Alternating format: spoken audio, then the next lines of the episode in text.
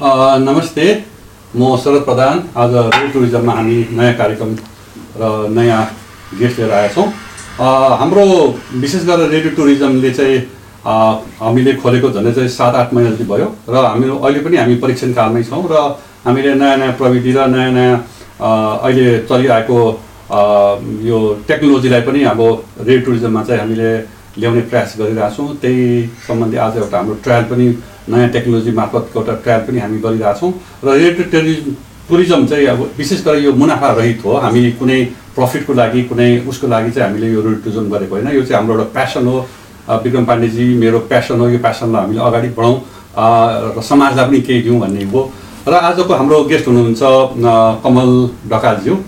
कमल ढकालज्यूलाई चाहिँ धेरैले चिन्नुहुन्छ। विशेष गरेर उहाँ चाहिँ घोस्ट राइटिङको चाहिँ एउटा जनक नै भनौँ न अब एक किसिमले त्यसलाई के भनौँ त्यसलाई चाहिँ त्यसको चाहिँ उहाँ सुरु सुरु नै उहाँले गर्नुभएको भन्दा पनि केही फरक नपर्ला अहिलेको परिप्रेक्ष्यमा।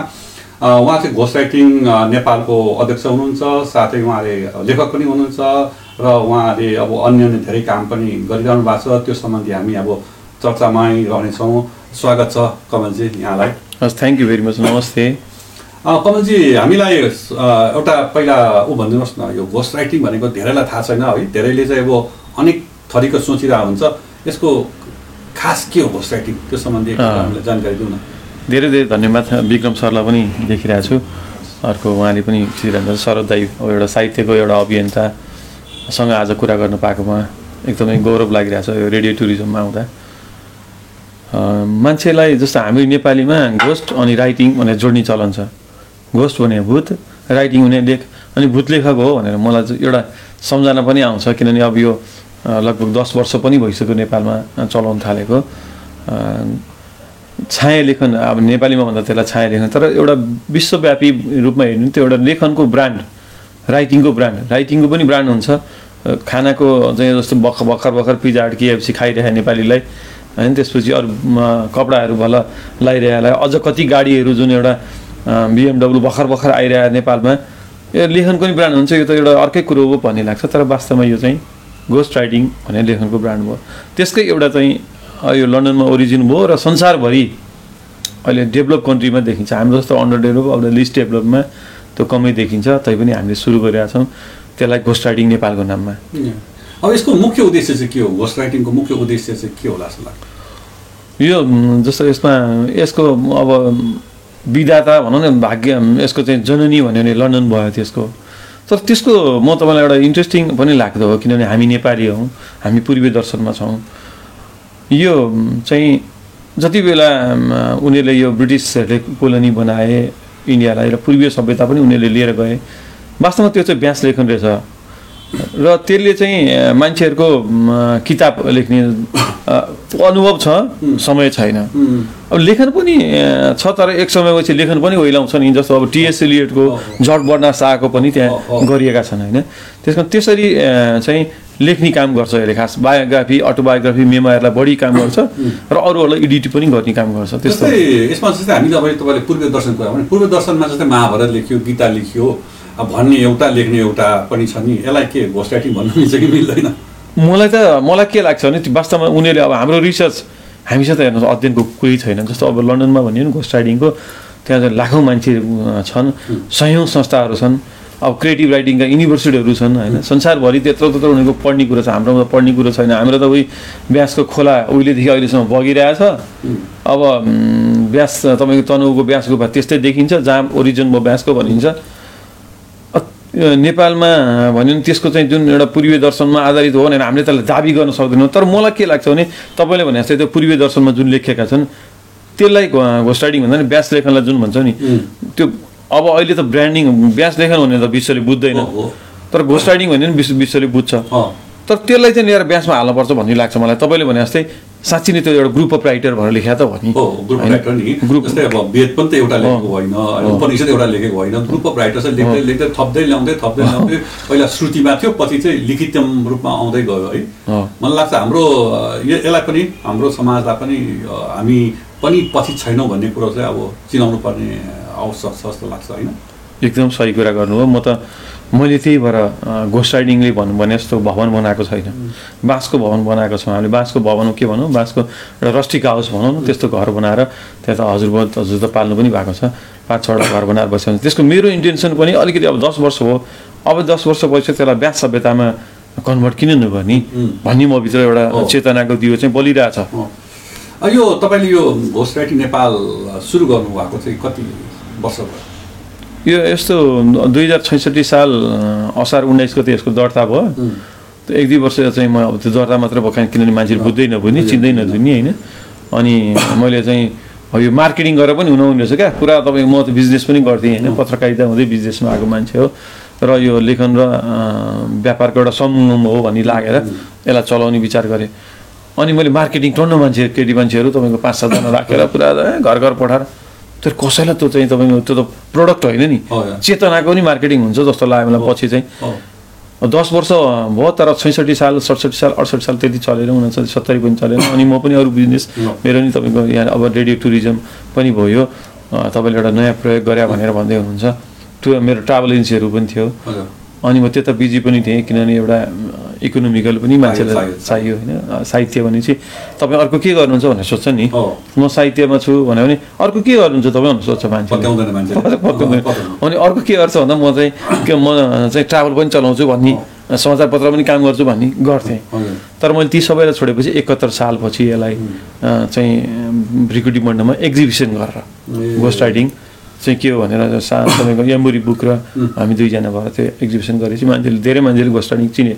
अनि मलाई के लाग्यो अब त्यो घोस्ट राइडिङ चिने भन्दा नि त्यही भूत लेखक भनेर चिने। होइन घोस्ट राइडिङको एउटा यस्तो छ विश्वव्यापी यो छ त्यो छ भन्ने हुँदा नि यो भूत लेखक हो यसले चाहिँ वास्तवमा साहित्य खतम पार्ने भयो बिगार्ने भयो बर्बाद बनाउने हो भन्ने हिसाबमा साहित्यकारले पनि चिने जस्तो लाग्यो। किनभने साहित्यकारलाई नै त्यो नलेज छैन क्या। विश्वमा कति राइटिङ छ कस्तो प्रयोग छ राइटिङहरूको भन्ने कुरो नेपालको साहित्यले बुझ्नुपर्ने छ। हजुर तर त्यो बुझिरहेको जस्तो लाग्दैन मलाई। तपाईँको चाहिँ जस्तै तपाईँहरूको यसो हेर्दा के देख्छ भने तपाईँले चाहिँ अरू राइटरहरूलाई पनि बोलाएर तपाईँको त्यही ग्राममा जस घोस्ट राइटिङ ग्राममा चाहिँ तपाईँले प्रशिक्षण दिनुहुन्छ सबैलाई। अहिलेसम्म कति विद्यार्थीहरूले प्रशिक्षण प्रशिक्षित भइसके जस्तो लाग्छ? अहिले चौधौँ ब्याज आज बिहान भर्खरै डाक्टर विप्लव ढकालको क्लास छ। अब क्रिएटिभ राइटिङ हो त्यो चाहिँ। घोस्ट राइडिङले चलाउने एउटा अहिले त्यसलाई हजुर जानुभएको जुन ठाउँ छ त्यसलाई लेखन कुञ्ज भन्छन्। म चाहिँ बिस्तारै घोस्ट राइडिङबाट बिस्तारै टाढो टाढो हुँदै अब लेखन कुञ्ज हुँदै त्यो ब्यास सभ्यतामा छिर्नुपर्छ भन्ने मेरो अभिप्राय छ। र त्यो एउटा त्यसले चाहिँ नेपालमा एउटा प्राप्ति गर्छ एउटा पूर्वीय दर्शनमा प्राप्ति गर्छ भन्ने मलाई लाग्छ। त्यस कारणले तपाईँले भने जस्तै क्रिएटिभ राइटिङ चाहिँ अहिले चौधौँ ब्याज भयो। चौधौँ ब्याजमा चाहिँ एउटा ब्याजमा कम्तीमा बिसदेखि तिसजना हुन्छ। भने तिन सय चान्सुन चाहिँ तपाईँको मान्छे भइसक्यो। यो यो वर्ष चाहिँ अलिकति कोभिडले गर्दा मान्छे कम आउनु भएको छ। पन्ध्र सोह्रजना मात्रै हुनुहुन्छ। तर तिन सय एभरेजमा मान्छेले त पढिसके क्रिएटिभ तिनीहरू चाहिँ तपाईँको जुन चाहिँ लेखन कुञ्जबाट चाहिँ ग्रेजुएट भनौँ न अब भाषामा अङ्ग्रेजी भाषामा नेपालीमा त त्यो स्नातकभन्दा अलिकति अर्को सुन चाहिँ ग्रेजुएट भएर निस्केकाहरूले पनि त लेखनमा लाग्नु भएको छ है। एकदमै म त खुसी पनि छु एक एक हिसाबमा। मलाई के लाग्छ शरद दाई भने यो मान्छेलाई खुसी दिने कुरो चाहिँ साहित्य कला अध्यात्म हो क्या? भित्रबाट मान्छेलाई खुसी दिनु भित्रबाट चाहिँ त्यसलाई मान्छेलाई खुसी दिने कुराहरू छ। किनभने त्यहाँ पढ्न आउने मान्छेहरू हजुरको एउटा मिडिल एज भनौँ न पचास वर्षभन्दा माथि सत्तरी वर्षसम्मको मान्छे पढ्न आउने ब्रान्ड भइसक्यो त्यो स्टार्टिङ भनेपछि है। एउटा एउटा क्षेत्रको रुखहरू। हाम्रो त्यहाँ पढ्ने मान्छेहरू अहिले तपाईँको दुई तिनवटा उसमा दुईवटा मात्र युनिभर्सिटीको चाहिँ उपकुलपति हुनुहुन्छ। त्यहाँको अब हाम्रो साहित्यकारले के श्रवण मुगारङ दाई होस् विप्लव दाई होस् होइन। उहाँहरूले चाहिँ मेरो चाहिँ प्रशिक्षित भन्न पाउनुहुन्छ। उहाँहरूलाई सर भनेर नमस्कार गर्नुहुन्छ। कति कुन कुन ठाउँमा जिएमहरू छ। त्यस्तो मान्छेहरू पढ्न आउनुहुन्छ। एउटा एउटा क्षेत्रको रुखहरू त्यहाँ चाहिँ साहित्यमा सर्न। मान्छेको जुन भित्रको चाहना छ नि लेख्नुपर्छ लेख्नुपर्ने पढ्नुपर्ने भन्ने चाहना चाहिँ तपाईँहरूको यो लेखन कुञ्जको राइटिङ के भनौँ वर्कसपबाट चाहिँ मान्छेले आफूलाई जुन हुन्छ नि अब मान्छेलाई त लेख्ने चाहना त भइरहेको हुन्छ वर्षौँदेखि तर कहाँबाट सिक्ने के गर्नु सिक्ने ठाउँ छैन। भने तपाईँहरूले चाहिँ एउटा ठाउँ दिइरहनु भएको छ सिक्ने ठाउँ हो अब यो मलाई त अब जस्तो साहित्यकारहरूले चाहिँ साहित्य पनि सिक्ने कुरा हो यो त उर्वर कुरा हो भन्नुहुन्छ। तर अब शरद प्रधान एउटा मान्छे तपाईँ मेरो अगाडि हुनुहुन्छ। तपाईँको एक्सपिरियन्स जुन अस्ति मैले सुने तपाईँको एक्सपिरियन्स सुन्दाखेरि मान्छेले त त अनुभव सिद्ध गर्छ नि त। तपाईँ कसरी हाउ टु राइट कसरी लेख्नुहुन्छ तपाईँले कसरी शब्दहरू प्रयोग गर्नुहुन्छ तपाईँको चाहिँ लेखनको प्याटर्न के हो? त्यो बुझ्नु त नेपालका सबै टप मान्छेहरू त्यहाँ आएर आफ्नो कुराहरू भन्नुहुन्छ।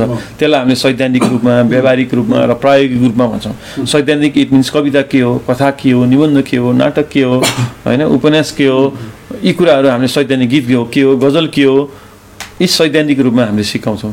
त्यसपछि व्यावहारिक रूपमा त्यसलाई तपाईँको त्यहीँ लेखाउँछौँ। प्रायोगिक रूपमा त्यो तपाईँको उसले त्यसलाई लेखेर त्यसलाई हामीले कम्पिटिसन जस्तो गराउँछौँ। त्यसरी हामीले तिन महिनाको कोर्स गर्छौँ। त्यो चौधौँ ब्याज अहिले चलिरहेछ अझै भर्खर बिहानदेखि डाक्टर विपुल ढकाल क्लासबाट त सुरु भएको छ। र नेपालका सिद्धहस्त साहित्यकारहरू त्यहाँ आएर आफ्नो अनुभव सुनाउनुहुन्छ। र त्यो तपाईँले भने जस्तै लेख्ने चेतना मान्छेभित्र हुन्छ। त्यसलाई प्रयोग तपाईँले भन्नु ठ्याक्कै कुरा। मैले अस्ति एउटा कार्यक्रममा भेट भएको थिएँ। हाम्रो जीवलामा सेनीजी उहाँले चाहिँ नेपालको भनौँ न सबभन्दा धेरै पुरस्कार राशिको पुरस्कार दिने उहाँ हुन्छ मैले उहाँलाई सर हजुरले पुरस्कार दिनुमा मेरो कुनै विवाद छैन विवाद पनि गर्न चाहन्न।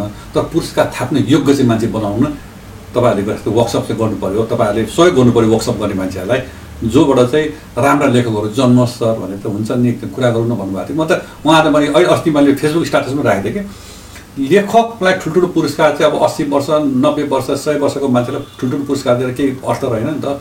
जब बिस बाइस पच्चिस वर्षको जो लेख्न चाहने बच्चाहरूलाई हामीले त्यो स्पेस दिनु सक्यो भने तपाईँले अलिक जुन गरिरहनु भएको छ नि त्यस्तो गर्नु सक्यो भने चाहिँ राम्रो हुन्छ जस्तो लाग्छ तपाईँको त्यही त होला विचार मान्छेहरू गाई नपालिकन दुध खान खोज्छ नि गाई पाल्दा त भकाएर सोध्नु पर्यो। गाईलाई चाहिँ दाना पानी हाल्नु पर्यो। त्यसले लात्ती हान्न दुध दिँदा त्यो सहयोग सर्नु पर्यो यी अवस्थामा यो गर्न गाह्रो छ नि। एउटा साहित्यलाई नमानिरहेको समयमा एउटा केटा मान्छेले तपाईँको चाहिँ त्यसलाई चाहिँ creative writing ghost writing theatre writing भनेर चलाउनु भने कति गाह्रो छ होला त्यसको फिलिङ मैले मात्र गर्न सक्छु। अरू त्यहाँ आउने मान्छेलाई त इन्जोय ओहो रुखहरू छन् ओहो गमलाहरू छन् ओहो यो छ त्यो छ भने। तर त्यो तपाईँले भने चाहिँ पुरस्कार राख्न सजिलो हो। हो। होइन? पुरस्कार राख्नु भने मैले पनि अब त्यहाँ एक करोड चालिस लाख चान्जुन लगाएर त्यत्रो बनाइयो। तर त्यहाँ मैले त्यो एक करोड चालिस लाखलाई अक्षय कसमा लगाएर पुरस्कार भने मैले पनि दस लाख दिन सक्थेँ होला नि। त्यसो भनेर फेरि पुरस्कार दिनेप्रति मेरो दुराग्रह पूर्वाग्रह होइन आग्रह होइन। पुरस्कार पनि एउटा मान सम्मान इमानको खाम हो। तर जुन पुरस्कार दिने लायक बनाउने भने त धेरै ठुलो कुरो हो। अहिले हाम्रो ब्याजमा त्यहाँ तपाईँको तिन सयजना भन्दा बढी प्रशिक्षित हुनुभयो। उहाँले प्रत्येकजनाले एउटा दुइटा एउटा दुइटा कृति लेख्नुहुन्छ। बिस्तारै मान्छे अगाडि बढ्दै बढ्दैछन्। भोलि उहाँहरूको जुन एक्सपिरियन्स मैले भनेको छु होइन हजुरलाई एउटा क्षेत्रको रुखहरू त्यहाँ साहित्यमा सर्न आइरहेछन्। त्यो साहित्यमा सर्यो भने त नेपाली साहित्यले प्राप्ति गर्छ नि त। एउटा विद्युत वर्ग पनि आउँछ। अर्को हामीले बच्चाहरूलाई पनि तपाईँको। साना बच्चाहरूलाई पनि पढाउँछन् क्या। क्रिएटिभ राइटिङ जुन बच्चाहरूलाई। अब अहिले त बच्चाहरू हेर्नुहोस् साँच्चै भने नि इङ्ग्लिस मात्र पढ्ने भए नेपाली भाषा नै मर्ने भइसक्यो। मेरो छोरीले आठ वर्षकी छ उसले कुरा गर्दा नेपालीमा पनि गर- बोल्दिनँ। म पनि त्यसलाई गौरव गर्थेँ। आजकल चाहिँ म यो साहित्य चलाउन थालेँ के लाग्यो ओहो मेरो भाषा त मर्ने भयो। भन्ने लाग्छ। त्यस कारणले जुन त्यो बच्चाहरूलाई पनि हामी साहित्यका कथा कविता निबन्धहरू सिकाउँछौँ। त्यो एउटा यसको गाह्रो पक्ष छ तर। पैसा मात्रै प्राप्ति होइन नि त जिन्दगीमा। त्यो बाहेकको प्राप्ति चाहिँ यसमा छ। म मलाई कस्तो लाग्छ भने त जस्तै तपाईँहरूले जुन अहिले काम गरिरहेको छ हाम्रो जो जसले सुनिरहनु भएको छ अथवा भोलि पनि सुन्नुहुन्छ यो त क्रमशः सुनिरहने कुरा हो। एउटा कुरो याद गर्नुपर्ने हुन्छ कि जस्तै उहाँहरूको जुन हाम्रो कमलजीले जुन प्रयास गरिरहेको छ तपाईँ यो प्रयासमा चाहिँ तपाईँहरू हामी पनि जुटिदिनुपर्छ। जस्तै उहाँहरूले चाहिँ क्लास चलाइरहनु भएको छ सिकाइरहनु भएको छ त्यो अवसर लिनु पर्यो। किन विदेशमा यस्तो त तपाईँको अवसर त क्लासहरू लिन्छ जस्तै हाम्रो एउटा ठुल्ठुलो राइटर नेपाली राइटर मनुश्री थापा नै भनौँ उहाँ नै यस्तो वर्कसप धेरै गरेर गरेर गरेर पोख्त भएर अहिले मनुश्री थापा अन्तर्राष्ट्रिय रूपमा ख्याति प्राप्त गर्नु त उहाँ हामीले यसो त मनुश्री थापाले लेख्नुहुन्छ तर उहाँले कति यस्तै उहाँहरूले यस्तै एउटा जुन राइटिङ वर्कसप र एउटा मैले के पनि दर्शकहरूलाई भन्न चाहन्छु कि घोस्ट राइटिङ भन्नाले घोस्ट राइटिङ मात्र होइन त्यहाँ क्रिएटिभ राइटिङ पनि पढाइन्छ। क्रिएटिभ राइटिङ पनि बुझाइन्छ भन्ने चाहिँ म भन्न चाहन्छु। अर्को एउटा तपाईँलाई प्रश्न छ। अहिलेसम्म तपाईँहरूको घोस्ट राइटिङ जुन तपाईँले सुरु गर्नुभयो एउटा संस्थै सुरु भयो त्यहाँबाट कतिजना कतिवटा व्यक्तिहरूको पुस्तकहरू चाहिँ निस्किसक्यो भन्न तपाईँहरू यस्तो पुस्तक जस्तो मैले यहाँ ल्याएको पनि छु भूमिकाको पुस्तक। हजुर। वास्तवमा यो एउटा नेपालमा ट्रान्सजेन्डरको बायोग्राफी निक्लिनु भने त्यो छँदै थिएन। त्यसको दुःख त मैले भोगेँ होला नि यो कति कसरी कसरी गऱ्यो कसरी गऱ्यो भन्ने कुरा। त्यस कारण यस्तो किताबहरू हामीले विभिन्न तपाईँको जात वर्ग क्षेत्र धर्म लिङ्ग त्यो मान्छेहरूको किताब अहिले त पछिल्लो समय एक सय एघारवटा वटा हामीले पब्लिस गरिसकेका छौँ। हामी पाँच सय प्लस किताबहरू लेखिरहेछौँ होइन? यी किताब मान्छेहरूलाई गयो भेट्यो कथा लेख्यो रिसर्च गर्यो गाह्रो कुरो हो। तर अब सङ्ख्यात्मक रूपमा पनि मलाई के लाग्छ भने म त जहिले पनि भन्ने गरेको छु मलाई आफैलाई ईश्वर छ भने ईश्वरलाई होइन? म चाहिँ मैले आफ्नै आमालाई पनि दस हजार किताबहरू लेखेर म मर्न पाएँ भने र त्यो दस हजार किताबलाई संस्थागत गरेर म मर्न पाएँ भने म जन्मेको सार्थक हुन्छ भन्ने लाग्छ। मलाई अरू कुनै तपाईँको चाहिँ इच्छा आकाङ्क्षा त्यो यो भनी छैन दाइ। होइन त्यस कारण यस्तो किताब अहिले हामीले पाँच सयवटा भन्दा बढी लेखिरहेको छौँ पाँच सयजनाभन्दा बढीको होइन? यो चाहिँ अब जुन मैले पहिला आफूले पहिला लेखा यो किताबले किताब तान्छ भने जस्तै। यो यो किताब जुन गो हेड मैले समाचारपत्रमा काम गर्दाको कोलमको आधारित हो। होइन? त्यसपछि तपाईँ मान्छेले कोलम यो पोजिटिभ कोलम लेख्यो। यसलाई चाहिँ उ गराउन के अरे किताब निकालौँ भने मान्छेको प्रेरणा भने सबभन्दा ठुलो प्रेरणा हो। हुन त बिरुवा बिरुवाहरूले पनि प्रेरणा दिन्छ। अनि यो किताब पछि मैले अब यो किताब चाहिँ घोषाडिङले होइन। योगी विकास नन्दले पनि प्रेरणा दियो भने गरौँ न भन्ने लाग्यो। अनि उहाँले चाहिँ म निकालिदिन्छु भन्नुभयो। मनोक्रान्तिले निकाल्यो पहिला। र यो किताबमा तपाईँको नेपालमा नेपालको जस्तो सफल पचपन्न नेपाली अवतारका कथा यो सत्तरी सालमा यही चैत महिनामा निक्लेको। पाँच छ हजार पाँच सय किताब बिक्यो। म त गजब लाग्यो। ओहो छ हजार पाँच सय किताब बिक्दा त तपाईँको संसारभरिबाट फोन गर्दा छन् संसारभरिको मान्छेले कुरा गर्दा छन् इमेल त्यस्तै आउँदो रहेछ भरिँदो रहेछ। यो त ठिक चिज छ नि भन्ने लाग्यो। इकोनोमिकली पनि ठिक हो भन्ने लाग्यो क्या दाइ त्यो बेला। किताब लेखेर पैसा आउँदो रहेछ भन्ने लाग्यो। तर अब अहिले अहिले चाहिँ म के लाग्छ भने यो जुन तपाईँ जानुभएको ठाउँ थापा गाउँमा त्यो बनाएको छ अहिले वास्तवमा इकोनोमिकली त यो ठिक ठाउँ भइरहेछ। अर्थको कुरा चाहिँ बाहिर राखेर लाउनु पर्ने जस्तो लाग्छ तर कुनै दिन तपाईँले अहिले जुन भने जस्तो कतिवटा किताब निक्ल्यो भन्ने क्रममा एक सय एघार निक्ल्यो पाँच सयवटा लेखिरहेको छौँ दस हजार किताब बनाउँछु भनेर छ त्यो दस हजार किताब भन्दा त त्यसले आकार म बुढो होला चुर्लुम्मै बुढो होला तर त्यति बेला चाहिँ यसले चाहिँ पैसा पनि मोनिटी मोनिट एउटा मनी पनि जेनेरेट गर्छ भन्ने लाग्छ। त्यस कारणले अब तपाईँले नदेखेका क्या? भेट्दै नभएका अनसङ हिरोजको किताब हामीले बनाइरहेको छौँ होइन। अनसङ हिरोज क्या? तपाईँलाई अस्ति मैले एउटा ताराबहादुर कुवरको किताब दिएको थिएँ नि। होइन? कसले गन्छ उहाँलाई। एउटा ठेला काँडालाई कसरी गन्छ यो समाजले? हामीले त उसको बायोग्राफी लेखिरहेछौँ नि होइन? अनि यसमा तपाईँहरूको समूह टिम तपाईँ एक्लैले त सम्भव नै छ नि तर तपाईँहरूको टिम कत्रो कत्रो छ अहिले यस्तो यो यसमा चाहिँ? म पहिला साँच्चै नै हो नि एकजना घोस्टाइटर थिएँ होइन? मान्छेले भूतलेखक आयो भूतलेखक आयो भन्थ्यो मलाई म हाँसिरहन्थेँ रमाइलो पनि लाग्थ्यो होइन? अब आज घोस्ट राइटर भन्ने भए अहिले सत्तरीजनाभन्दा बढी साथीहरू जो लेखिरहने मान्छे लेख्ने त हो नि। हो। टिएस मान्छेलाई त पहिला के लाग्थ्यो भने मलाई तपाईँको मैले काठमाडौँ पछि विराटनगरको एउटा एक्सपिरियन्स अलिकति भन्नु भन्नु। पाउँदैन। विराटनगरमा एक्जिबिसन गरेको थिएँ। अनि त्यहाँ मलाई के लाग्यो चेतनाको एउटा दियो पूर्वको ठाउँ होइन बिपी कोइरालाहरू जस्तो। त्यहाँ चार चारवटा प्रधानमन्त्री बनाएको ठाउँ। त्यो त वास्तवमा चेतनाको दृष्टिले बहुत धरिलो ठाउँ होला भन्ने लाग्यो। के लाग्यो? अब घोस्ट राइडिङको एक्जिबिसन चाहिँ त्यहाँ गर्नु पऱ्यो भन्ने लाग्यो। त्रिहत्तर सालमा। मैले त्यहाँ एक्जिबिसन गर्दा मलाई चाहिँ मान्छेले तपाईँको ए घोस्ट राइडिङ गर्ने यो साहित्य बिगार्ने खतम पानी भनेर गाली पनि गर्नुभयो क्या। ढुङ्गै हान्नुला जस्तो अचम्म लाग्यो मलाई। अनि मैले भने ए बाबा तपाईँहरू ज्ञानमा भक्ति गर्नुभयो। होइन? ब्रिटिसहरूले ज्ञानमा चाहिँ रिसर्च गरे। ज्ञान हो कि नि भनेर त्यसलाई कोटाएर हेरे प्रयोग गरे। तपाईँले भक्ति गर भनेर पुरै भक्ति गर्नुभयो। हाम्रो साहित्य बिग्रेर गयो। साहित्य त हाम्रो हो नि त यो त घोस्ट राइडिङ त। हिजो ब्याच लेख्न हामीसँग थियो त। अब तपाईँले चाहिँ बाहिर मान्छे आएर को आएर लेख्छ भनेर ठान्नुभयो तपाईँ लेख्ने भने त त्यही लेखकले हो नि त। बाहिर मान्छे आएर त लेख्ने होइन। त्यस कारण लेखकको लागि इकोनोमिक अर्निङ हुने ठाउँ हो एउटा किताब लेखेर ऊ सुपर हिट होला एउटा स्टार्डम क्रिएट गर्ला तर त्यसपछि उसलाई गाह्रो हुन्छ नि त लाइफ त हो, हो। एउटा किताबले खान दिँदैन। अब ऊ अरू पनि काम गर्न सक्दैन। होल टाइमर पनि हुन सक्दैन कति गाह्रो छ। यस्तो घोस्ट राइडिङ जस्तो संस्था भयो भने त लेखेर बाँच्छ नि त। त्यस कारण हजुरहरूले लेख्ने हो यो भनेर मैले बुझाएको थिएँ। त्यस कारण म एकजना थिएँ अहिले मैले सत्तरीजनाभन्दा बढी बनाइसकेँ। त्यो मलाई खुसी पनि लाग्छ। त्यही हाम्रै अफिसमा तपाईँ भेट्न जानु भने बिस पच्चिसजना भेटिरह तपाईँले भेट्ने मान्छेहरू भेटिरहेको छ घोस्ट राइडिङ भन्दामा त्यो अर्को मान्छे भएर आउने होइन नि। नेपाली समाजमा चाहिँ त्यो को हो भूतलेखक भन्ने छ जसले स्टार क्रिएट गर्छ लेखेको। त्यसले लेख्ने हो नि। होइन तपाईँको अब राइडिङ किताबको राम्रो नमुना भन्यो भने स्टिभ जबको किताबलाई लिन्छ। होइन। त्यत्रो टाइम्स पत्रिकाको सम्पादकले घोस्ट राइडिङ गरे नि त। होइन। त्यस कारणले अब नेपालमा चाहिँ त्यो टाइम्स पत्रिका सम्पादकले घोस्ट राइडिङ गरे पनि मैले त लेख्नुहुन्न म घोस्ट राइडिङ गर्नुहुन्न भन्ने लाग्छ। इकोनोमिक अनि लेखेर गर्नु पऱ्यो नि यो प्रिन्ट गर्नेले गर्छ। अहिले उहाँले त्यो खिचिरहनु भएको छ उहाँले त्यो काम गर्नुभएको छ। एउटा कोट बनाउनेले कोट बनाइरहेको छ हामी पनि लेख्ने एउटा काम त हो नि। त्यसरी यसलाई डेभलप गर्न खोजिरहेको छु मैले। अब तपाईँले हामीले पनि देखेका छौँ विगतमा त धेरै ठुल्ठुला व्यक्तित्वहरूले रिटायर्ड जसाबहरूले रिटायर्ड सचिवज्यूहरूले बिजनेसम्यानहरूले पनि गोस्ट राइटिङ गराएर गरिरहेछ। अब कतिले एक्सेप्ट गर्छ कतिले एक्सेप्ट गर्दैन। ठुल्ठुलो कलाकारले पनि मैले आफै लेखेको भन्छन् अ, ठाउँ ठाउँ मेलामा पनि भाग लिइरहेको हुन्छन् तर त्यो गोस्ट राइटिङ हो भनेर सबैलाई थाहा पनि भइरहेको हुन्छन्। मलाई लाग्छ यसमा चाहिँ अलिकति अनेस्टली आउनुपर्छ जस्तो लाग्छ तपाईँलाई। जस्तै भनौँ न मेरो जीवनी एउटा कोही एबिसिडी लेख्छ भने जस्तै विदेशमा चाहिँ अब मनिषा कोइरालाकै भनौँ न तपाईँको चाहिँ त्यो एउटा अङ्ग्रेजीमा लेख्यो। तर त्यहाँ अर्को उस उसको घोस्ट राइटरको नाम पनि आएको छ क्या। विथ फल्ना फल्ना भनेर। विदे इन्डियामा पनि विथ फल्ना फल्ना भनेर लेख्ने चलन छ। तर हामीका चाहिँ अब एकजना व्यक्तिले लेख्छ भने विथ नलेख्ने उसकै नाम मात्रै लेख्ने चलन छ। त्यो त्यसलाई के कस्तो हेर्नुहुन्छ एकदम राम्रो प्रश्न गर्नु हो। यो एकदम मलाई चाहिने प्रश्न छ क्या? यो प्रश्न यो प्रश्न नभयो भने त्यो चाहिँ तपाईँको त्यो ढुङ्गा मूर्ति बन्दैन। यस एकदम राम्रो प्रश्न गर्नुभयो। होस्ट राइडिङ भने पहिला पहिलो कुरो मलाई के लाग्छ भने अर्कोको कथा हामीले भनियो। जस्तो तपाईँ मेरो अगाडि उभिनु भएको छ उहाँ मेरो अगाडि उभिरहनु भएको छ।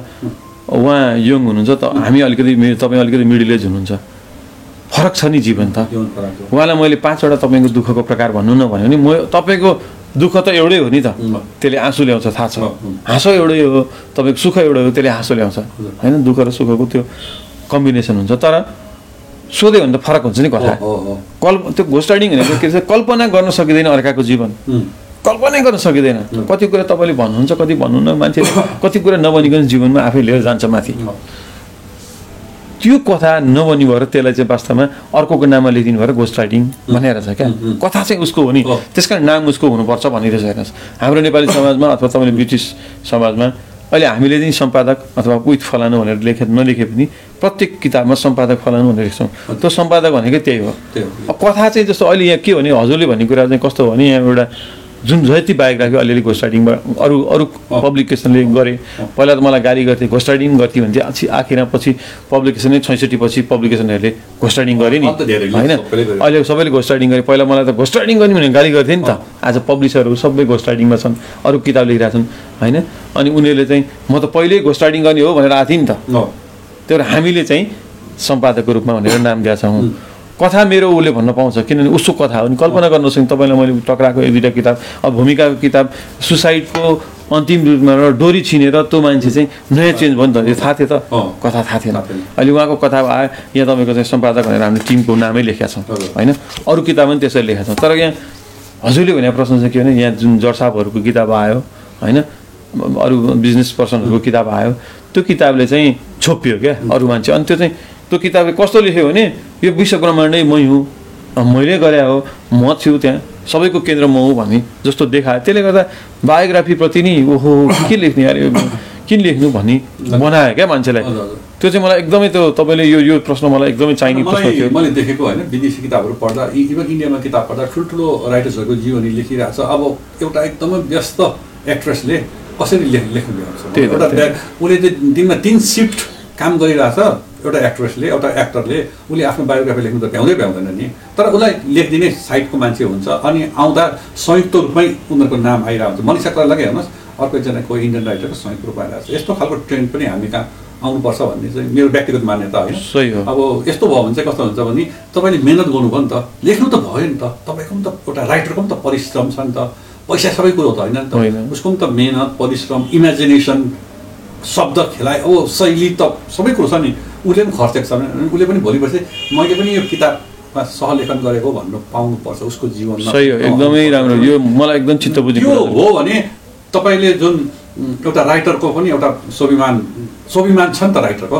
पैसा मात्रै त होइन नि एक लाख देला दुई लाख देला पचास हजार देला बिस हजार देला दिँदै नदेला आफ्नो ठाउँमा छ। तर स्वाभिमान छ नि म पनि राइटर हुँ भन्ने किसिमको मलाई चाहिँ यस्तो ट्रेन्ड चाहिँ अब नेपाली यो घोस्ट राइटिङमा आउनुपर्छ जस्तो लाग्छ। यो चाहिँ अब तपाईँहरूमा सम्पादन अब कतिमा सम्पादन पनि आउँदैनन्। अब ठुल्ठुलो मान्छेले अनि मलाई लाग्छ जिन्दगीमा कहिले एक अक्षर नलेखेको मान्छेले अब किताब यत्रो मोटो ठुल्ठुलो किताब लेखिरहेको छ। त्यो चाहिँ अलिकति त्यति मलाई लाग्दैन होइन। त्यसलाई लेख्नुपर्छ। उहाँले लेख्नुहुन्न भनेको लेख्नुपर्छ तर आफ्नो अनेस्टी पनि कोसँग लेखेको के लेखेको त्यसलाई पनि चाहिँ अब चाहिँ दिनुपर्छ। जस्तै तपाईँले भन्नुभयो तपाईँहरू त सुरुमै घोस्ट राइटर भएर आउनुभयो घोस्ट राइटिङ भएर आउनुभयो। यहाँ ठुल्ठुलो प्रकाशनहरू पछि लागेको प्रकाशनहरू धेरैले घोस्ट राइटिङ गरे नाम नभनु प्रकाशनहरू है सबै सबैले जब्जाएरै छन् कुन कुन प्रकाशन हुने। अर्को एउटा तपाईँलाई सोध्नु मन लाग्यो जस्तै तपाईँको तपाईँको चाहिँ केरियरमा चाहिँ तपाईँ चाहिँ अब समाचार पत्रमा आउनुभयो जस्तो लाग्छ मलाई। कुनै समय म पनि समाचार पत्र त कामनामा केही समय आबद्ध भएको थिएँ। म कामनामा मैले एउटा कलम चलाउँथेँ। त्यो मलाई लाग्छ चौबिस पैँतालिस सालतिर होला। पुष्करजीको अफिस थियो त्यो चिङ्गोमङ्गलमा। त्यहाँ गएर मैले कपिलजीहरू हुनुहुन्थ्यो।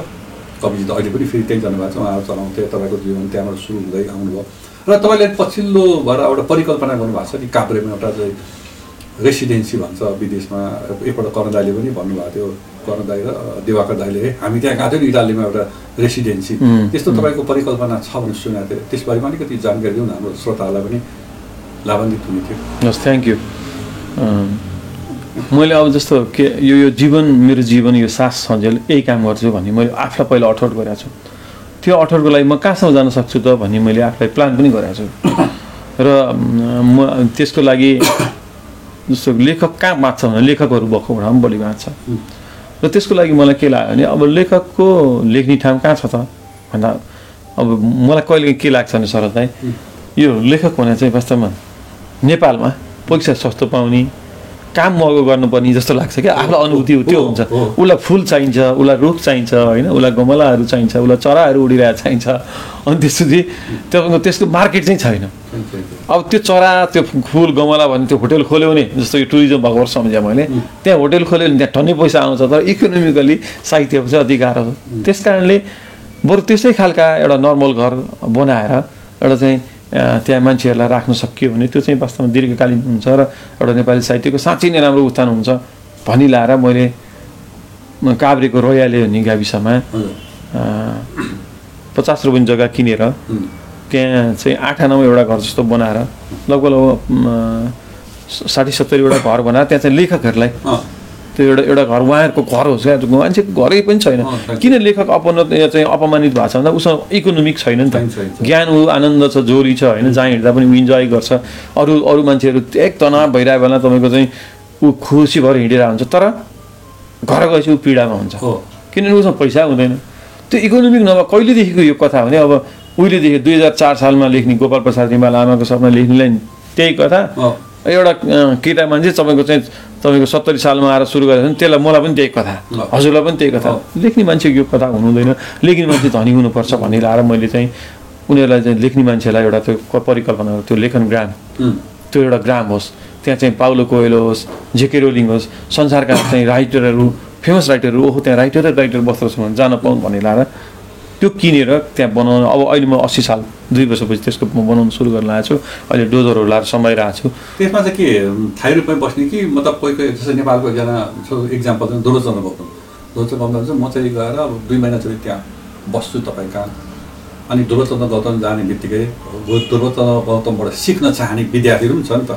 उहाँसँग एउटै घरमा म चाहिँ पे गरेर ध्रुवचन्द्र गौतमलाई त उल्टा अब तपाईँहरूले के गर्नुहुन्छ? थाहा छैन त्यो त्यो मोडलिटी बनाउँदा तर ध्रुवचन्द्रसँग म चाहिँ एक महिना बसेर उहाँले कसरी लेख्नुहुन्छ उहाँको व्यवहार कस्तो छ उहाँले कसरी साहित्य सिर्जना गर्छु अथवा त्यस्तै कवि एउटा अथवा भनौँ दिनेश अधिकारी कोही कोही त्यस्तो भयो खालको भयो भने मलाई लाग्छ।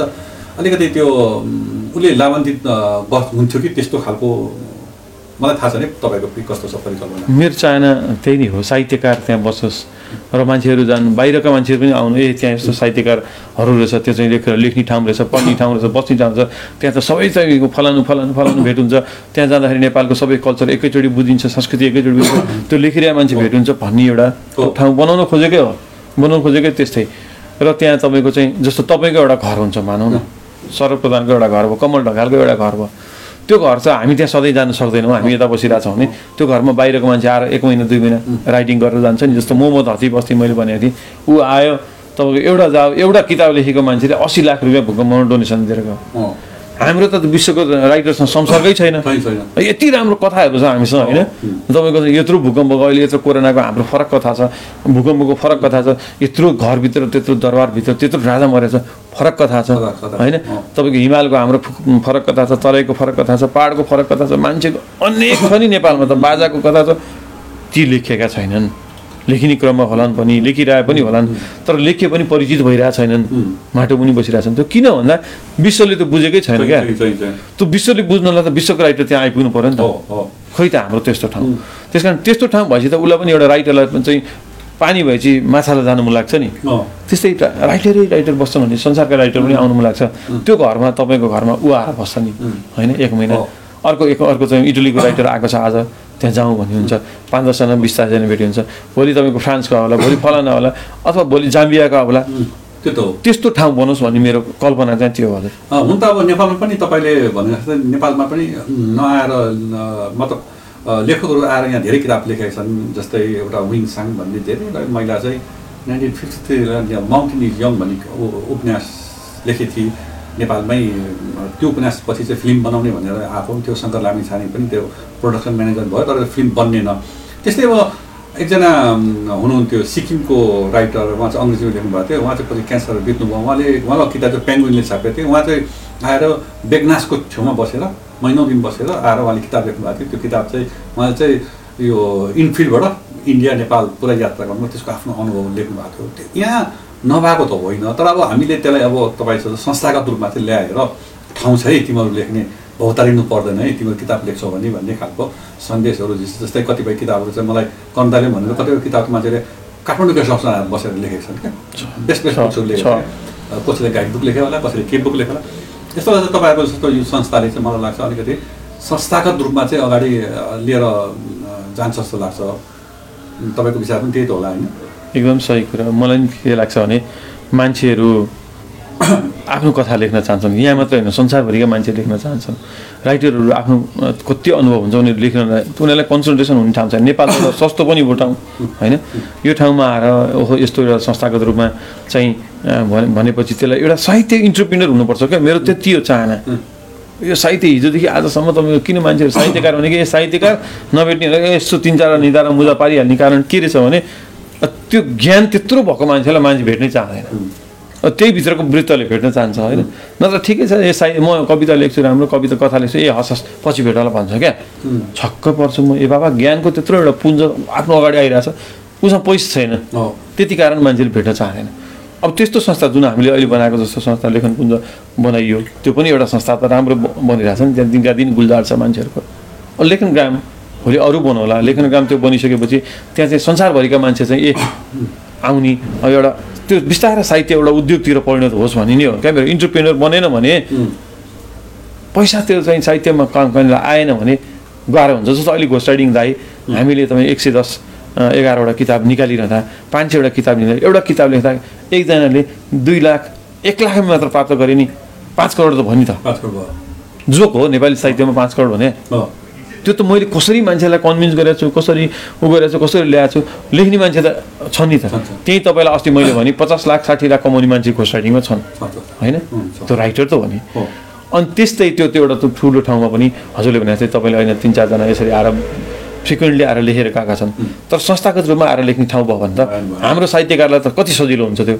एउटा बाटो हुन्छ नि भोलि विश्व साहित्यमा जानलाई। भन्ने नै हो मेरो चाहना। ए, मलाई कस्तो लाग्छ भने चाहिँ अब मान्छेले चाहिँ अब यो साहित्यलाई चाहिँ तपाईँले चाहिँ जुन तरिकाले चाहिँ अब पहिला साहित्यकार भनेको चाहिँ हामी पनि सानसानो बाल्यकालमा झोला बोकेको झिङ्गिङ परेको मान्छे अलिकति कस्तो होइन मान्छे पागल पागल जस्तो भन्थ्यो। तर अब अहिले आएर चेन्ज भइरहेछ। मैले अस्ति भने नाम नभनौँ पहिला नै झोला बोकेर हिँड्ने मान्छे हेर्दा अलिक राम्रो चिटिक्क भएर हिँडेको एकजना मान्छे राम्रै ठुलो साहित्यकार।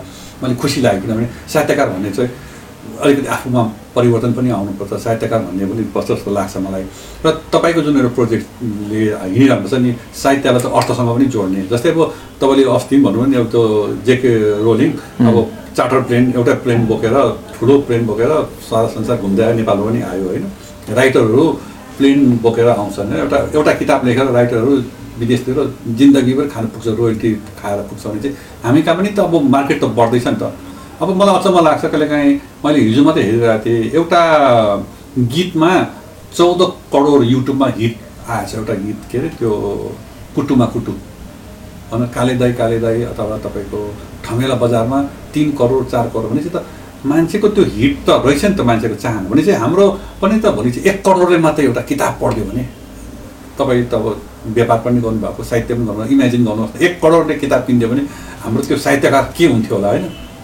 उसले पनि त यहाँ चाहिँ थमेलमै घर किन्नु सक्ने स्थिति आउँथ्यो। अथवा भनौँ न थमेल भन्नाले एउटा एउटा मैले एउटा ऊ मात्रै भनेको एउटा सिम्बोलिक कुरा मात्रै सक्छ जस्तो लाग्छ। अब हामी चाहिँ अन्त अन्ततिर आएको किन हामी प्रायः जस्तो छोटो कुरा गर्छौँ होइन? अब म एउटा तपाईँलाई अन्तिम प्रश्न छ। अब तपाईँहरूले यो जुन चाहिँ गर्नुहुन्छ नि यो जुन चाहिँ क्रिएटिभ राइटिङको के अरे यो कोर्सहरू कति कतिमा गर्नुहुन्छ? कस्तो हुन्छ त्यो अघि त भन्नु अलिक भनिदिनु होला र अब कोही मान्छे चाहिँ मेरो कथा चाहिँ पनि लेखिदिनु पऱ्यो भन्ने पनि मान्छेहरूलाई कसरी तपाईँसँग सम्पर्क गर्ने यो हामी कहाँ सुन्ने हुन्छ नि? मेरो पनि कथा छ तर मलाई लेख्नु आउँदैन। अलिअलि त पैसा छ। खर्च पनि गर्छु है पैसा भन्ने खालको मान्छेलाई तपाईँले के सन्देश दिनुहुन्छ एकपल्ट भनिदिनुहोस् न। थ्याङ्क यू फेरि तपाईँलाई एक एकपल्ट। र क्यामेरा खिच्ने तपाईँलाई पनि। अब क्रिएटिभ घोस्ट राइटिङ कुरा गरौँ घोस्ट राइटिङ पछि क्रिएटिभ राइटिङ जन्मियो त्यसपछि थिएटर राइटिङ त्यहाँ तिनवटा राइटिङ छ लेखन पुञ्जमा भने मैले घोस्ट राइटिङ जुन हामीले गरिरहेछौँ मैले हामी भन्छौँ हरेक मान्छे कथा हो नलेखेको। हरेक मान्छे नलेखेको पुस्तक हो। त्यो वास्तवमा लेख्नुपर्छ मलाई एउटा अनुभूति पनि छ क्या। म अब मेरो दुई हजार पचपन्न सालमै म पिताजी गुमाएको मान्छे हो। मेरो बुवाको अहिले मलाई कसैले फोटो मात्र दियो भने त बहुत ठुलो भ्यालु हुन्छ। अब मैले मेरो छोरीलाई बुवाको बारेमा फोटो मात्र देखाउन सक्छु उहाँको कथा भन्न सक्दिनँ। किताब भइदियो त हामी मेरो बुवाको किताब हो यो ल है हेर। भने उसले आफ्नो हजुरबा हेर्छ नि होइन? त्यस कारण संसारभरि जानु पर्दैन। अक्सफोर्ड क्याम्ब्रिज दुनियाँ पढ्न जान्छन् मान्छे। पढ्नु पर्छ त्यो बेग्लै कुरो। तर आफ्नै पिता पुर्खा किताब पढ्नु पर्छ भन्ने त्यो राइटिङको नेपालको आयाम हो। यो हाम्रो देश हामी एकदमै कथा छ। हामी त तपाईँको पचास यहाँ नेपालको साठी वर्षको मान्छेले युरोपको दुई सय पचास वर्ष तिन सय वर्षको जीवन बाँच्छ दाइ। किन चप्पल नलाउनेबाट चप्पल लाउनु हुन्छ हुँदै हुँदै ऊ अनेक तपाईँको अहिलेको चाहिँ भर्खरको चाहिँ आई नयाँ नयाँ भनौँ न नयाँ फोन चाहिँ आइफोन इलेभेन आयो के अरे त्यो इलेभेन टुवेल्भ चलाउन सक्ने हुन्छ यहीँ बसेर। त्यस कारण त्यो कथा बोकेको मान्छेले नेपालमा कथा नलेखिकन मर्छ मलाई एकदम दुःख त्यो कुरामा छ। यत्रो मान्छे मरेर गए। सत्र हजार तपाईँको त्यो माओवादी द्वन्द्व भन्ने मऱ्यो। अस्ति दस हजार पिर्लिकको मरे। त्यत्रो मान्छे मरिरहेछन् तर किताब लेखिँदैन त यस्तो मलाई भित्रबाट दुख्छ त्यो कुरोले। मैले अहिले यति बेला मेरो पिताजी नभएको भएर बढी फिल गरेँ होला। तर त्यो मान्छे त अहिले पिताजी हुँदै हुनु गर्ने फिल गर्नेले घरमै बसेर लेखे पनि गोस्ट राइडिङमा बुझाइदिन्छ हामी गोस्ट राइडिङ नेपालको चाहिँ फेसबुक पेज छ युट्युब पेज छ त्यसपछि वेबसाइट छ। त्यहाँ आएर तपाईँहरूले चाहिँ किताब लेख्छु भन्यो भने मैले भने जस्तै प्रत्येक मान्छे नलेखेको कि पुस् नलेखेको किताब हो। एउटा किताबले पुर्खा बदल्छ दाइ। पुस्ताले पुर्खा बदल्छ भन्छ हामी होइन? त्यो प अघिल्लो पुस्ताले पछिल्लो पुर चाहिँ पुर्खालाई बदलिदिन्छ नि त। हिजोको यस्तो दुःख गरेका छौँ। अब्राहम लिङ्कनको दुःख हामी सुन्छौँ। ओहो यस्तो दुःख परेछ है दाउरेको छोरो तेरो छोरी उ गरेर सुन्छ एकछिन हामीलाई। तर हाम्रो बाउले हामीलाई हुर्काउन हाम्रो आमाले हामीलाई हुर्काउन कम दुःख गरेका छैन नि। त्यो कथा त्यतिकै नमरोस् भन्ने मेरो चाहना हो हाम्रो चाहना हो। र त्यो लेख्नुपर्छ आमाको कथा बाको कथा हजुरबाको कथा हजुरआमाको कथा। ती बिचरा नाङ्गै खुट्टा हुन् क पनि नपढाए मान्छे हुन् तर तिनको कथा लेखियोस् नेपालमा। र त्यो लेख्ने काम हामी गर्छौँ भनेको छौँ। तपाईँले लेखेर ल्यायो भने त्यसलाई एडिट गरेर निकाल्ने पनि काम गर्छौँ। गोस्ट राइडिङले त्यो गरिरहेछ एउटा त्यो काम गोस्ट राइडिङ नेपाल मार्फत गरिरहेछ। अर्को क्रिएटिभ राइटिङ जस्तो तपाईँ चाहिँ होइन म आफै लेख्छु म भित्र कथा छ कविता छ निबन्ध छ म एकदम उकुस मुकुस भएको छु म लेख्न पाइरहेको छैन कसरी लेख्ने हाउ टु राइट भनेर भन्यो भने के लेख्ने त कविता लेख्ने क्रिएटिभ राइटिङ अन्तर्गतका कविता लेख्ने कथा लेख्ने निबन्ध लेख्ने नाटक लेख्ने के लेख्ने तपाईँ? त्यो हामी सिकाउँछौँ। तिन महिने कोर्स हुन्छ त्यो। प्रत्येक वर्ष दुईचोटि कोर्स गर्छौँ हामीले। छ छ महिनामा। अहिले भर्खर यो चाहिँ कोभिड पछि फागुनको पच्चिस गतिदेखि क्लास सुरु भएको छ। होइन? त्यो चाहिँ त बिसदेखि तिसजना राखेर हामीले क्लास गरिरहेछौँ। हामी जान चाहिँ बाहिर पनि गयौँ रुकुममा पनि गएर एकचोटि क्लास गरायौँ। ताप्लेजुङ जान सकेन। बाहिर जिल्ला जिल्लामा पनि क्रिएटिभ राइटिङको बनाउँछन्। अनि बच्चाहरू जो बच्चाहरू भोलिका एउटा भविष्य हुनु तिनीहरूलाई पनि एउटा अहिलेदेखि कथा कविता निबन्धमा लाउन सकियो भने तिन करोड जनसङ्ख्या भएको मुलुक सानो होइन नि दाइ। तर त्यो किताब पढ्ने कुरा मात्रै सानो हो। दस हजार किताब पनि बेस्ट सेलर वा वा भनेको छ। लाख लाख बिक्नु पनि बेला आइसक्यो होइन। दसौँ लाख किताब बिक्नु पनि बेला आइसक्यो। एउटा अस्ट्रेलियन हामीभन्दा थोरै जनसङ्ख्या छ। उसले किताब लेखेर आफ्नो पेट पालेर संसार डुल्छ। ऊ दुई करोड सत्तरी लाख जनसङ्ख्या छ उसको अस्ट्रेलियाको। अब यहाँ हाम्रो तिन करोडभन्दा चान्चुन माथि बिस लाख भन्छौँ। त्यो जनसङ्ख्या चाहिँ हामी किताब पढ्दैनौँ। अनि किताब पढ्दैनौँ हाम्रो चाहिँ किताब नपढेपछि लिडर्स के रिडर्स आर लिडर्स हुन्छ न रिडर्स हुन्छ न लिडर हुन्छ। अनि हामी आफ्नै बाबामा किताब पढ्दैनौँ हामी आफै लेख्दैनौँ त्यस कारण त्यो लेखियोस् भन्नको लागि क्रिएटिभ राइटिङ पनि हामीले चलाइरहेछौँ अर्को मान्छेको जिन्दगी नाटक पनि हो र त्यसलाई चाहिँ सजिलोसँग बुझ्न त्यो पनि बनाउनुपर्छ भनेर हामीले त्यहाँ थिएटर राइटिङ पनि चलाइरहेछौँ त्यस कारण यी तिनवटा कुरामा तपाईँहरू जोडिनलाई घोस्ट राइडिङ नेपाल भाइबल त्यहीँ आउने हो फिजिकल्ली हामी त्यहाँ छौँ जस्तो अनलाइनबाट पनि हामीले कोर्स विस्तार गर्दैछौँ होइन। अब तपाईँले कन्ट्याक्ट गर्न सक्नुहुन्छ घोस्ट राइडिङ नेपालको त्यहाँ वेबसाइटमा गएर हेर्न सक्नुहुन्छ फेसबुक अहिले जसको हातमा छ त्यो हेर्न सक्नुहुन्छ युट्युब तुरुन्तै हेर्न सकिन्छ। त्यहाँबाट तपाईँले कथाहरू यस्तो छ भने हामीले अहिले त अहिले त प्रविधि हो। भाइबरबाट अहिले तपाईँको मैले लकडाउनमा ती दुई तिनजना किताब लेखेँ। भाइबरबाट। सुन्यो रेकर्ड गरेर लेख्यो होइन उहाँलाई पठाइदियो। कति सजिलो छ क्या। अहिले मान्छे भेट्न जानु पर्दैन नि। त्यस कारणले देशभरि विश्वभरि जुन यो रेडियो टुरिज्म अथवा यो जुन हेरेर बस्नु भएको छ तपाईँले। विश्वभरि हुनुहुन्छ आफ्नो कथा तपाईँसँग छ। तपाईँको कथा लेख्दा तपाईँ हल्का हुने हो नि। होइन। तपाईँको कथाले समाज बदल्छ भने लेख्नु न त्यस्तो राम्रो दुःख कथा सुख कथा हुन्छ। तपाईँले भोगको कथा नलेखिकन जाँदा तपाईँ यो पृथ्वीमा थियो त। भन्ने प्रश्न। सय वर्षपछि आउँछ नि त। किताब भयो भने ए तपाईँ यो पृथ्वीमा थियो भन्ने कुरा आउँछ। त्यस कारण त्यो लेख्नुहोस् भन्ने भन्नको लागि हामी भनिरहन्छौँ लेखाउँछौँ पनि यो गरिरहेछौँ। यसको लागि त्यसमा कन्ट्याक्ट गर्नु मैले भने। धन्यवाद अँ, कमल भाइ। अब मलाई कस्तो लाग्छ भने चाहिँ अब हामी अन्तमा आइसक्यौँ। मलाई लाग्छ किनभने साहित्यमा अहिले लेटेस्ट ट्रेन्डहरू म त हेरिरहन्छु विगत तिस चालिस वर्षदेखि यो ट्रेन्डहरू छ अहिले अलिक फितुलो भइरहेको छ ट्रेन्डहरू मलाई लाग्छ यस्तो फितुलो ट्रेन्ड हुनको कारण चाहिँ हामी चाहिँ अब मनमा आयो कविता लेख्यो मनमा आयो कथा लेख्यो मनमा आयो निबन्ध उपन्यास लेख्यो। तर त्यसले सडन मापदण्ड त हुन्छ नि। त्यो मापदण्ड चाहिँ पालन गर्नुपर्छ। यसको लागि चाहिँ उहाँहरूले जुन क्रिएटिभ राइटिङ्स हुन्छ नि सृजना सृजनशील लेखनको जुन छ त्यस्तोमा तपाईँहरू आउनुभयो भने चाहिँ प्रशिक्षित हुनुहुन्छ। किनभने गाइडलाइन पाइन्छ नि त। कमसेकम केही गाइडलाइन पायो भने लेखन चाहिँ राम्रो हुन्छ जस्तो लाग्छ। यस्तो वर्कसपहरू चाहिँ उहाँले गरिरहनुहुन्छ मलाई लाग्छ उहाँको वर्षको दुई होइन वर्षमा चार गरोस् महिनै पछि गरोस् जस्तो लाग्छ। जसले गर्दा हाम्रो लेखनमा स्तरीयता आउँछ। लेखनमा लेखनहरूको लेखकहरूको एक्सपिरियन्सहरू चाहिँ हुन्छ जस्तो लाग्छ। आजको यस कार्यक्रममा आइदिनु भयो धेरै धेरै धन्यवाद। कमलजीलाई यो सानो हाम्रो रेडियो टुरिज्मको सानो एउटा अ, हामी दिन्छौँ। र आजको यस कार्यक्रममा मलाई प्राविधिक रूपमा सहयोग गर्नुहुने शीतल भण्डारीलाई पनि धन्यवाद दिन चाहन्छु र आजको कार्यक्रममा यहीँ गर्न चाहन्छु। धन्यवाद कमलजीलाई पनि। यहाँ हामीलाई सुनिदिनु हेरिदिनु भएको धेरै धेरै धन्यवाद।